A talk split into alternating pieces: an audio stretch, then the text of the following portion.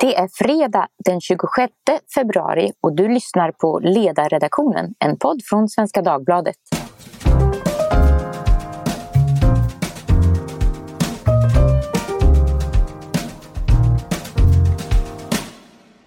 Jag heter Maria Ludvigsson och idag ska vi diskutera lika lön för alla kön. Det är Sveriges kvinnolobby som beskriver inkomstskillnaderna mellan män och kvinnor som både orättvist och oförklarligt. Så här skriver man i ett pressmeddelande. Lönegapet mellan kvinnor och män är 9,9 procent. Omräknat till tid betyder det att kvinnor jobbar gratis efter klockan 16.12 varje dag medan män får betalt för hela sin arbetsdag fram till klockan 17.00. Kvinnors gratisarbete har minskat med tre minuter sedan förra året. Och för att diskutera detta har ledarredaktionen bjudit in själva generalsekreteraren för Sveriges kvinnolobby, Klara Berglund. Välkommen! Tack! Vi har också med oss Amanda Broberg. Du är skribent, feministisk debattör och du arbetar på Timbro förlag. Du är också välkommen. Tack så mycket. Eh, först till dig Klara, du som har varit, eh, ligger bakom själva uppropet här. Eh, klockan 16.12 idag alltså, vi har några, ett par timmar på oss här. Eh, då får vi tre, vi tre alltså inte lön längre eh, enligt ert sätt att räkna. Och kort bara, hur har ni räknat för att komma fram till detta? Ja, eh, jag ska säga bara också att eh, Sveriges kvinnolobby är en paraplyorganisation för kvinnorörelsen och vi är ju en av ganska många organisationer som står bakom den här kampanjen mm. Lön hela dagen. Så det är också en massa fackförbund och politiska kvinnoförbund från både höger och vänster. Eh, så att creddas den som creddas bör. Ja, och det eh. kan man se på er hemsida säkert också mer information om. Jajamän. Ja. Men den här uträkningen det är alltså då eh, Medlingsinstitutets statistik över den genomsnittliga eh, löneskillnaden mellan kvinnor och män och det är den ovägda eh, löneskillnaden och den är då 9,9 procent som du nämnde och översatt i tid så är det alltså 48 minuter och om man då räknar på en arbetsdag mellan 8 och 17 så eh, handlar det om att kvinnor får betalt fram till klockan 16 och 12. Och det är då tre minuter mer betalt än förra året. En viss förbättring alltså, men eh, detta till trots eh, så är man inte nöjd. Eh, men du, på, du säger mycket riktigt att det här är den ovägda Eh, siffran, alltså att man har det här som kallas för lönegapet på 9,9 procent. Där har man rakt av lagt samman allt kvinnor tjänar och slagit ut på antal kvinnor och gjort detsamma för män. Men ofta i statistiska sammanhang där man jämför grupper så brukar man ju vikta siffrorna, alltså så att säga städa siffrorna eller rensa siffrorna från eventuella skillnader mellan grupperna som i det här fallet då inte har med kön att göra. Det kan vara till exempel utbildning, vilken arbetsplats man har, vilken sektor man är i, eh, hur mycket ledigt man har och så vidare. Men detta har man inte viktat för och gör man det enligt samma institut då, som du har tittat på eh, så ser man att det här så kallade lönegapet landar omkring 4. Ibland har det också kallats för den oförklarade löneskillnaden. Men det finns ytterligare ett ett men då. Dessa 4% är alltså inte viktade för till exempel föräldraledighet. Det vill säga att man alltså inte har tagit hänsyn till hur stor frånvaro de här olika grupperna har. Där vet man ju att det är skillnad mellan hur mycket föräldraledighet män och kvinnor tar. Så givet då detta att det finns ytterligare ska säga, förklaringar som egentligen inte har med det biologiska könet att göra och som inte behöver hänföras till att man blir eh, medvetet diskriminerad eh, så skulle man kunna landa på någonting annat. Vad säger du om det, Klara? Du har säkert fått den frågan förut. Ja, det är ju ett medvetet val att vi har valt att använda den ovägda löneskillnaden. Och det är ju för att eh, den här vägda löneskillnaden som du refererar till, den har ju då rensat bort precis det som vi vill eh, peka på. Att eh, en av de viktigaste orsakerna till att kvinnor ehm, har tjänar mindre än vad män gör är ju att vi arbetar i olika yrken och att de mm. yrken som kvinnor arbetar i värderas lägre och har lägre lön, vilket vi också är det som ett av kraven som rörelsen lyfter fram eh, handlar om. Så därför är det viktigt att, för oss att eh, använda den siffran. Och det finns olika mått på löneskillnader och också en viktig sak där som du inte nämnde är ju eh, deltidsarbetet. Så att den här båda de här, I båda de här två siffrorna som vi har nämnt så har man då eh, räknat om deltidsarbete till heltidsarbete och betydligt fler kvinnor arbetar deltid som vi vet. Så det är också en viktig sak att ha i huvudet. Ja, just det. Och för att vidareutveckla detta då, du talar om att det här yrken, de traditionellt kvinnliga yrkena värderas lägre. Då kan man ju diskutera två saker. Det ena sidan, bör de vara så traditionella? Vad ska man i sådana fall göra för att man inte längre ska välja yrke eller utbildning så traditionellt och är det i sådana fall önskvärt? Det är en fråga. En annan fråga är, vem menar du värderar då kvinnoyrkena lägre? Är det för att det just är kvinnoyrken eller är det för att det är yrken inom en viss sektor eller en viss bransch som i sig värderas. Hur mycket kan man säga har med kön att göra och hur mycket har med eh, att det handlar om olika branscher att göra så att man så att säga härleder problemet till rätt orsak? Precis, och de här olika sakerna hänger ihop då, eh, så som vi ser på det. Alltså, för oss handlar det om att det är fler kvinnor jobbar inom eh, vård, vård och eh, omsorgsarbeten. Mm. Och det är ju yrken som historiskt sett kvinnor har eh, utfört helt obetalt. Eh, och som sen dess då eh, kvinnor utför med en då, eh, enligt oss orättvist låg lön. Eh, och det är ju liksom ingen slump utan det handlar ju om att eh, liksom kvinnors roll i reproduktionen, att kvinnor, förvänt, liksom kvinnor de allra flesta kvinnor kan bära och föda barn och förväntas ta hand om barn. Och ur det så är de här föreställningarna sprungna om vad, ur vad, liksom, vad, vad kvinnor förväntas jobba med och vad män förväntas eh, jobba med. Och vi mm. kan se att de här yrkena som handlar om att eh, vårda och ta hand om människor värderas väldigt lågt jämfört med andra yrken som kanske handlar om eh, Eh, information eller produkter eller industri. Så att när man kollar på eh, vilken utbildning som krävs, vilket eh, eh, liksom arbetets förutsättningar och arbetsförhållanden och vilket ansvar som ligger i olika yrken, då ser vi ju att de här kvinnodominerade yrkena inom bland annat vård och omsorg är undervärderade och har en lägre lön.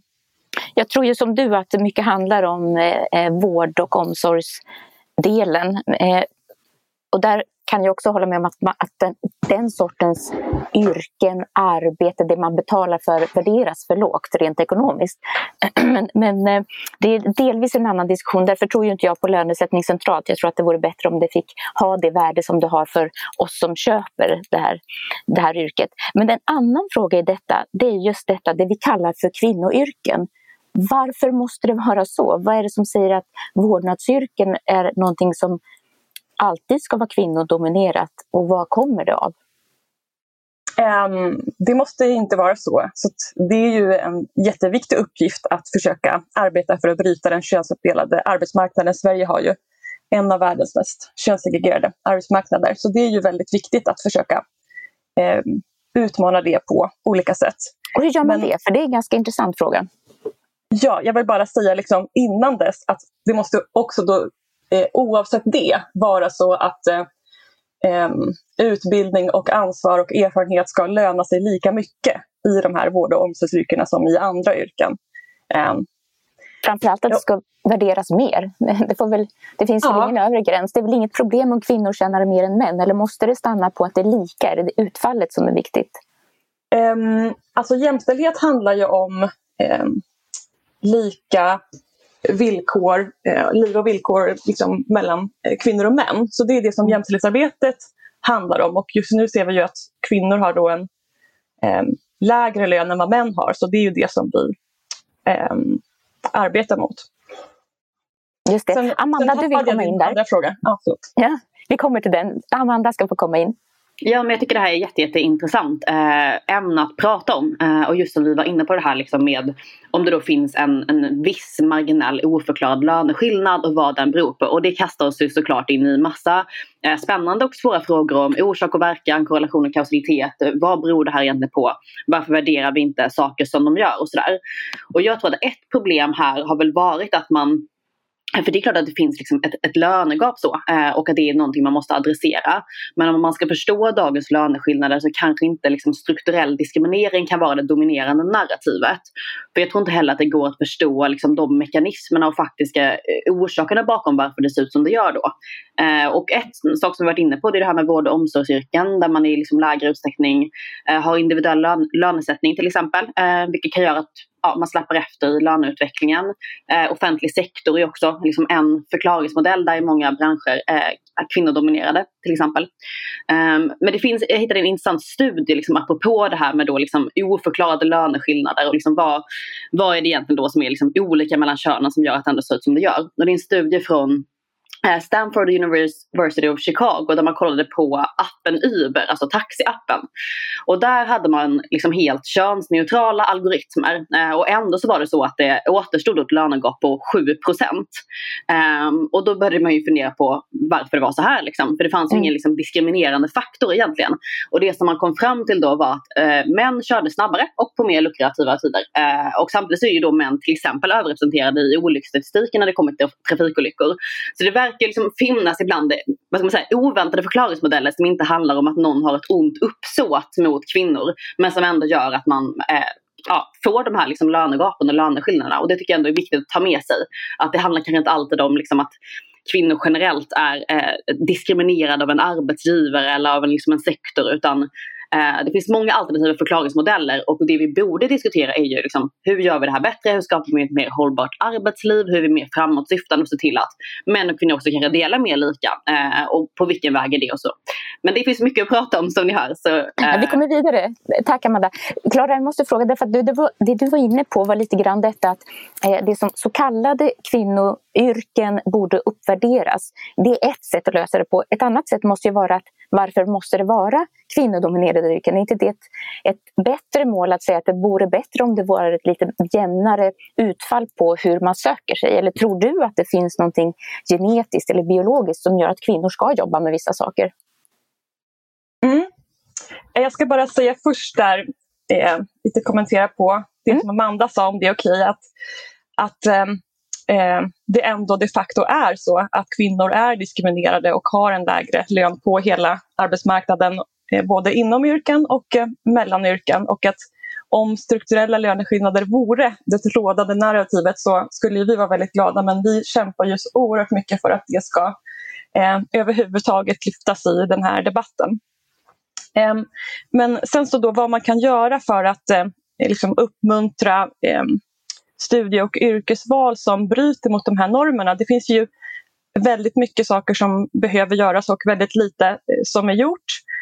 Um, det handlar ju till exempel om hur man jobbar med studie och yrkesvägledningen och att um, flickor och pojkar, killar och tjejer ska liksom få testa på och få upp ögonen för alla möjliga olika yrkes och karriärvägar och där behövs ju ett systematiskt arbete under hela Ehm, skolgången. Och det är det man kan se från de liksom, positiva exempel som finns ändå på vissa håll. Eh, att det har varit just det här systematiska och långsiktiga arbetet som har gett resultat. Men eh, det handlar också om att se till att eh, de kvinnor, det har framförallt varit där vi har sett en viss framgång. Eh, där har det ju varit att kvinnor i högre utsträckning då har börjat söka sig till mansdominerade yrken. Och då är det inte alltid så att de möts med en öppen famn där utan eh, ganska många eh, kvinnor väljer ju efter några år att lämna de yrkena. Och det kan ju ha att göra med liksom, att man inte trivs med att vara den här enda eller ett få tjejer i en grupp av eh, män. Eh, det kan också handla om liksom, sexuella trakasserier eller det kan handla om att eh, många mansdominerade yrken inte har bra villkor som är möjliga att kombinera med föräldraskap till exempel. Fast då utgår du ifrån att det är kvinnor som ska vara, ta föräldraansvaret. Är det inte det man också vill komma åt? Alltså att inte acceptera ja, men, ja, men verkligen. Men, men att, eh, som till exempel inom eh, byggsektorn eh, så kan det vara svårt att kombinera att arbeta på ett bygge där man är på olika eh, platser varje vecka och ibland varje dag och ibland med kort varsel så kan det vara svårt att kombinera med att hämta och lämna på förskolan och så vidare. Och eh, det försvårar ju för män, eh, för pappor att vara aktiva och närvarande föräldrar också. Ehm, så det ju, skulle ju gynna både kvinnor och män om man kunde göra någonting åt det. Men det är också sådana saker som kan få eh, kvinnor som ju bär ett större ansvar för det obetalda hem och omsorgsarbetet. Vi önskar att det inte borde så, skulle vara så och vi arbetar för att motverka det men det är dock fortfarande så som det är. Ehm. Men det är också detta, om vi tänker på eh, att man skulle tänka sig att om det vore mindre laddat, alltså att vi var mer formade i att vi ska bli som tjejer är på ett visst sätt och pojkar är på ett annat sätt. Eh, om vi tänker då män som söker sig till omvårdnadsyrken har ju också beskrivit hur det kan vara svårt att komma och bli accepterade där. Så det verkar finnas en ganska stereotyp uppfattning om vad som är manligt och kvinnligt på yrkesmarknaden i stort. Som nog är svårare att rå på än sånt som kan regleras i lag. Alltså det här är någonting som är värderingar, synsätt. Män och kvinnor är vi verkligen så olika. Så jag tycker vi skulle kunna ta oss an även den diskussionen lite kort. Eh, det finns ju alltid en diskussion om distinktionen mellan vad är socialt betingat och vad är biologiskt betingat. Tror man att det mesta är biologi, då är det inte så mycket att göra. Jag tillhör de som tror att det, mycket, det mesta är sociologiskt av, av miljö. Och vad kan man göra då? Du var inne på det, Klara, med eh, så kallade utbildningsinsatser. Sen är det väl eh, mycket också att man inte alltid understryker skillnaden mellan män och kvinnor som jag tycker att vi, även vi som debatterar sånt här ibland har en tendens att göra. Vad säger du om den distinktionen, Amanda? Den eh. med arv och miljö. Den... Ja, nej, men jag eh, håller med dig eh, om att liksom mycket av det, de, de normer och liksom föreställningar vi har om kön som såklart också framförallt historiskt har format liksom ekonomin och syn på olika branscher eh, är ju någonting som är liksom socialt eh, konstruerat så. Men jag tycker att ett problem ibland blir att man, eh, man landar ofta i ett väldigt liksom eh, självklart facit där man pratar om jämställdhet liksom på öret som en så här läpparnas pliktskyldiga bekännelse ungefär. Och sen så glömmer man att prata om kanske liksom mer komplexa mönster bakom.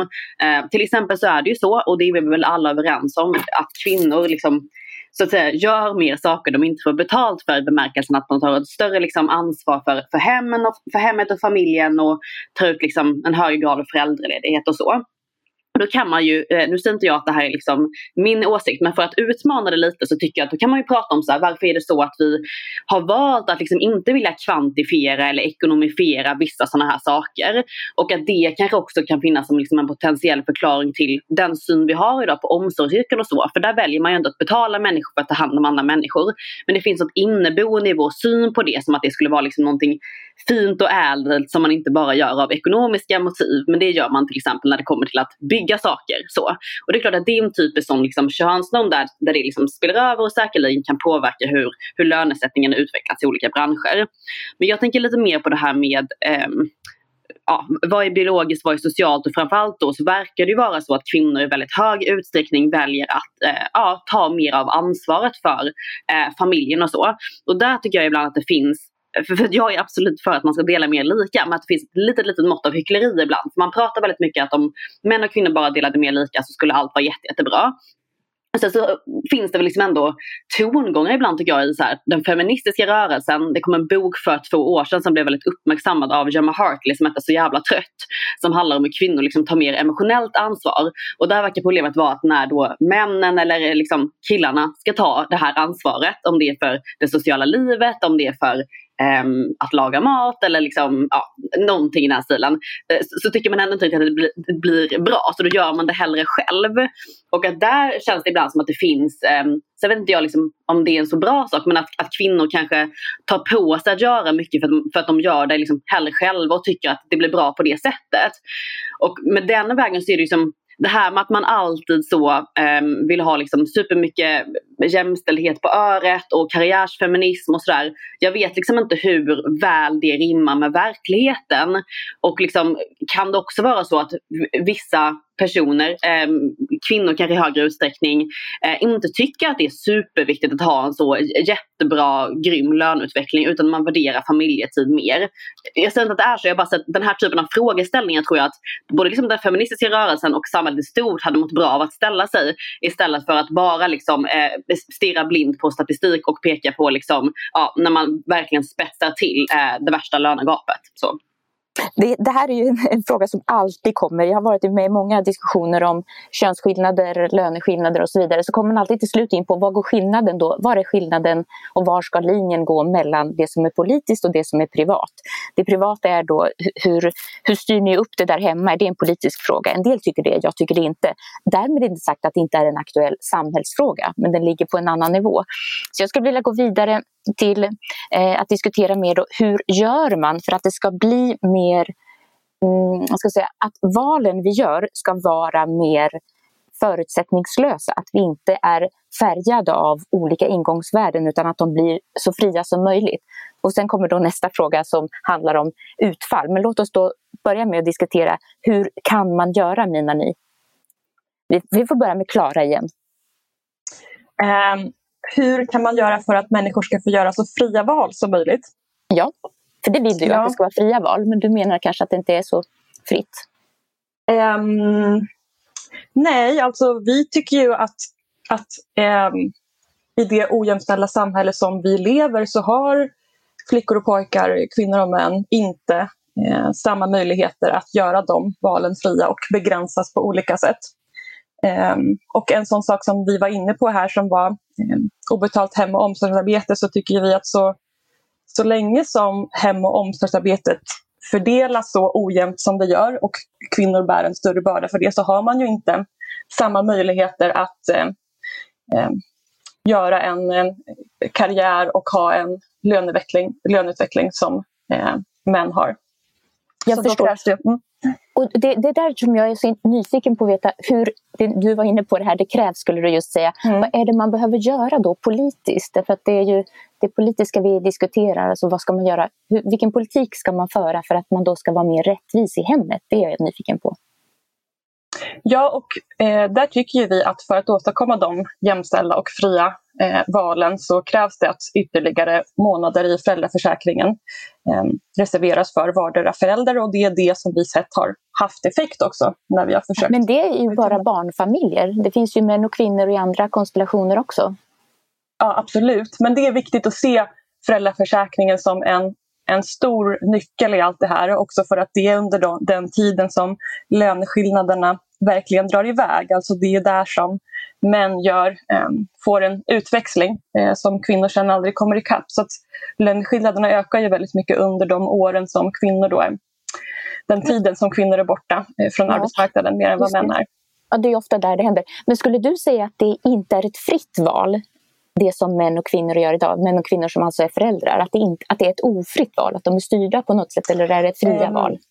Det är ett fritt val i ett ojämställt samhälle skulle jag säga.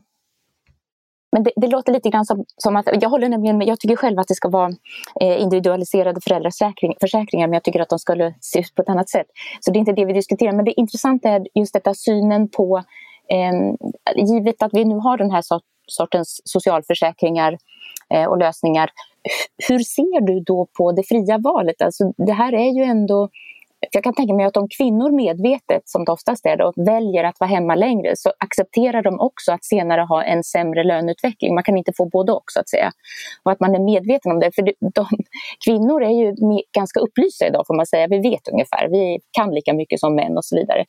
Och hur kan man då säga att deras val är omedvetet? Är det, kan det inte vara så att de väljer detta medvetet och de själva problematiserar inte eh, den senare löneutvecklingen? Eh, nej men jag tror som sagt att det är då ett fritt val men i det eh, ojämställda samhälle som vi lever där de olika föreställningar om hur kvinnor och män ska vara och bete sig finns och präglar eh, hela våra liv. Eh, så jag, jag vill ju tänka att en, ett annat samhälle där män och, kvinn, män, eh, män och kvinnor delar lika på ansvaret för barn och eh, familj och hem, att det samhället är möjligt och att det är ett samhälle där eh, man också har lika möjligheter att lyckas på arbetsmarknaden. Mm. Amanda, du vill komma in? Ja precis, Nej, men jag håller med. Jag önskar också att ett sådant samhälle hade varit möjligt. För mig är det liksom helt självklart som feminist. Men frågan är om man tror att det går att åstadkomma på politisk väg och om man tror att vägen dit är fler kvoterade månader i föräldraförsäkringen. Jag tycker inte man ska, det blir alltid så här när man pratar feminism tycker jag, eller jämställdhetsfrågor generellt, att man fastnar antingen i liksom kvoteringsträsket eh, eller så fastnar man eller här. föräldraförsäkring. Exakt, och det är ju för att de mm. frågorna är intressanta för att de speglar hur man ser på politikens begränsningar helt enkelt. Och ja. här tror jag att när man pratar om den här typen av väldigt svåra frågor, vi pratar om liksom en historia som har format könsroller som fortfarande idag liksom reproducerar könsnormer och det skriver nog de flesta under på. Frågan är om det är liksom eh, i landet Sverige några kvoterade pappamånader som, som kommer liksom eh, rucka på, på de här då normerna. Och jag, jag, tror helt enkelt inte det. Jag tror också att det är lite en så här, vad ska man säga, ibland att det blir en falsk trygghet också för det är så himla, då kan det vara liksom så, så betryggande som feminist ungefär att säga men det är minsann liksom så här många kvinnor i den här eh, bolagsledningen eller i den här eh, bolagsstyrelsen ja. eller nu tar faktiskt papporna ut fler pappamånader och så. Och, och det är ju såklart liksom bra på sitt sätt. Men frågan är om man från politisk väg ovanifrån lagstiftar om det här och liksom per, per automatik liksom ändå sätta in någon form av tvingande liksom, mekanism i det här. Eh, hur mycket har man då förändrat egentligen i grunden? Alltså i mm. hur vi ser på det här. Jag ser snarare risk liksom där det finns en opinion som absolut inte vill se några kvoterade månader och att den liksom slår åt andra hållet och att det slits isär ännu mer i vilken syn man har på liksom, eh, ja, jämställd liksom, familjepolitik om man får använda det ordet, eller liksom hur man ska dela lika då, män och kvinnor emellan.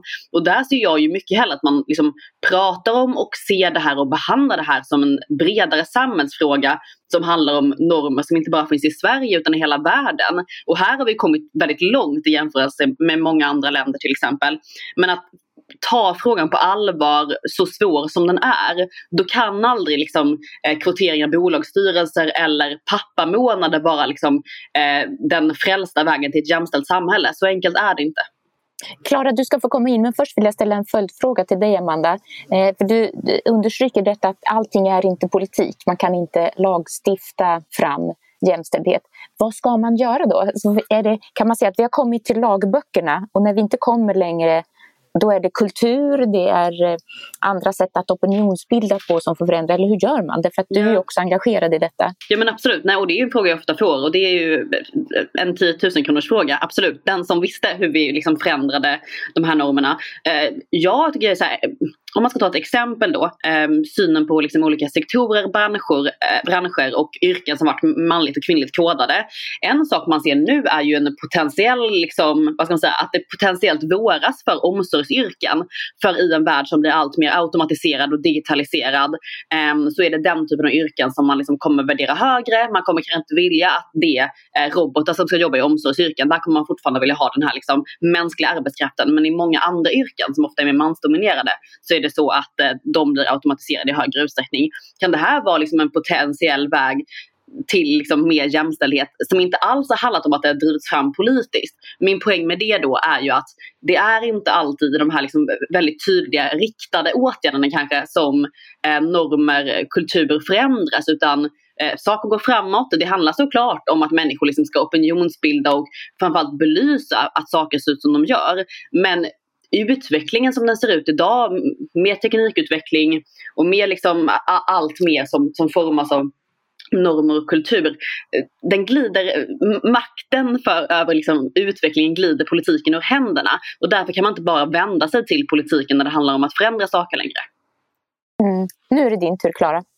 Ja, jag tänkte fråga exakt det som du frågade. Vad ska man då göra om ni inte vill använda era verktyget att öronmärka månader i föräldraförsäkringen som ju har varit eh, det som har varit effektivt för att få män att ta, ett, ta ut mer föräldraledighet och som också har påverkat människors normer på ett så tydligt sätt. Så om man inte vill göra det, vad vill man då eh, göra? Ja. Men vi kanske inte ska fastna nej, men det, det jag tror vi är överens.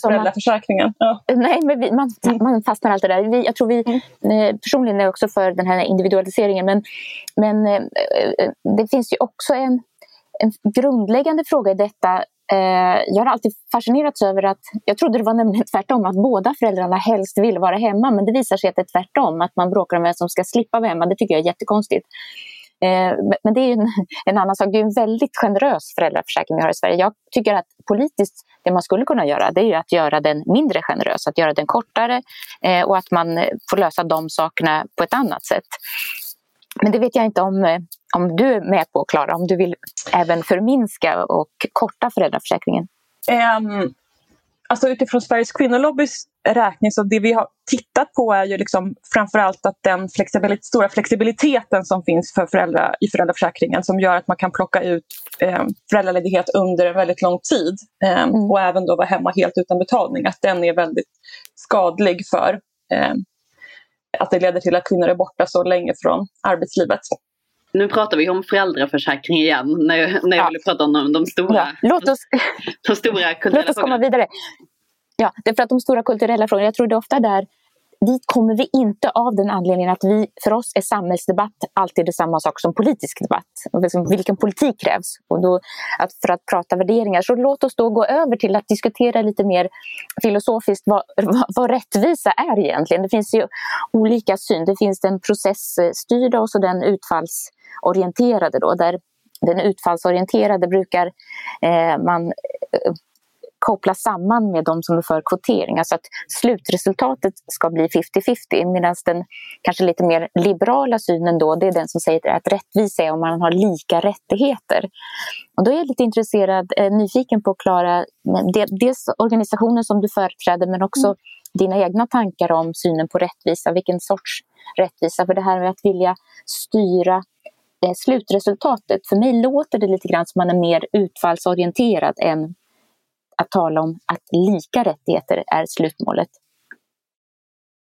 Sen får mm. utfallet bli lite som det vill, men villkoren ja. ska vara de så rättvisa Jag tror att det här um, skillnaden i utfall för eh, kvinnor och män när det gäller då, eh, lön bland annat, det är ju liksom ett symptom på ett ojämställt eh, samhälle. Så att, och att de, det liksom lite grann eh, hänger ihop och utifrån vårt perspektiv så har vi ju inte eh, i realiteten lika rättigheter kanske i teorin, men i lika möjligheter har vi ju inte och därför blir det lite förenklat att eh, liksom gå in på att direkt prata enbart om eh, utfall. Alltså för oss är det så att så länge som man har då om man har lika möjligheter då ska ju liksom en akademisk utbildning och den erfarenhet och det ansvar man tar på jobbet det ska ju löna sig lika mycket för kvinnor som för män. Men det gör det ju inte. Och kvinnor har Eh, dominerat eh, universitet och högskolor sedan 70-talet i Sverige och ändå så har vi fortfarande en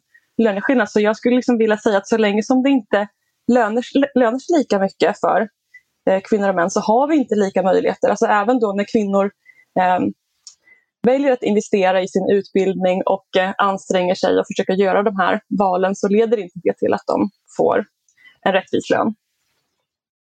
Att de inte får samma lön som en man med samma ut utbildning. Ja, men, men, det, är där man, det där är man väl inte helt överens om huruvida det är så att det faktiskt leder till, om man har det är svårt att säga att det finns två identiska personer oavsett kön eller inte som, som kan jämföras. Men det är det när man allokerar det på gruppnivå då så tycker man att man kan, kan se ett mönster men man kanske inte är lika nyfiken på och angelägen om att förstå varför. Mm. Eh, men, och sen är det skillnad också på rättigheter och möjligheter och den, mm den politiska frågan är ju om rättigheterna som man ger till mm. medborgaren, mm. den, utan, alltså den könlösa medborgaren.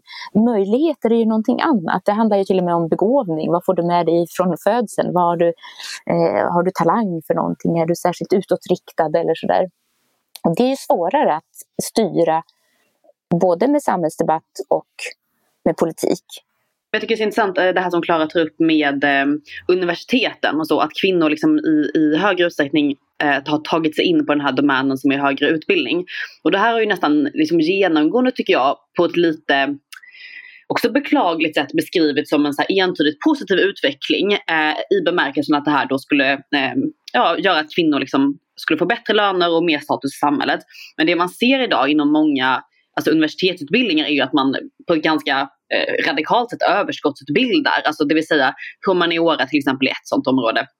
Media och kommunikation likaså. Alltså på många av de utbildningar som är kvinnodominerade så, så finns det liksom eh, utbildar man redan ett överskott av liksom arbetskraft som kommer jobba i de här sektorerna. Och det är ju liksom ett problem i sig som har att göra kanske liksom med en större fråga om universitetens expansion och så. Men intressanta tycker jag det är inte att titta på eh, varför, eh, ja, hur är liksom könsbalansen på högre utbildning generellt utan hur ser könsbalansen ut på de utbildningar som är mer eller mindre lönsamma om man får använda det ordet.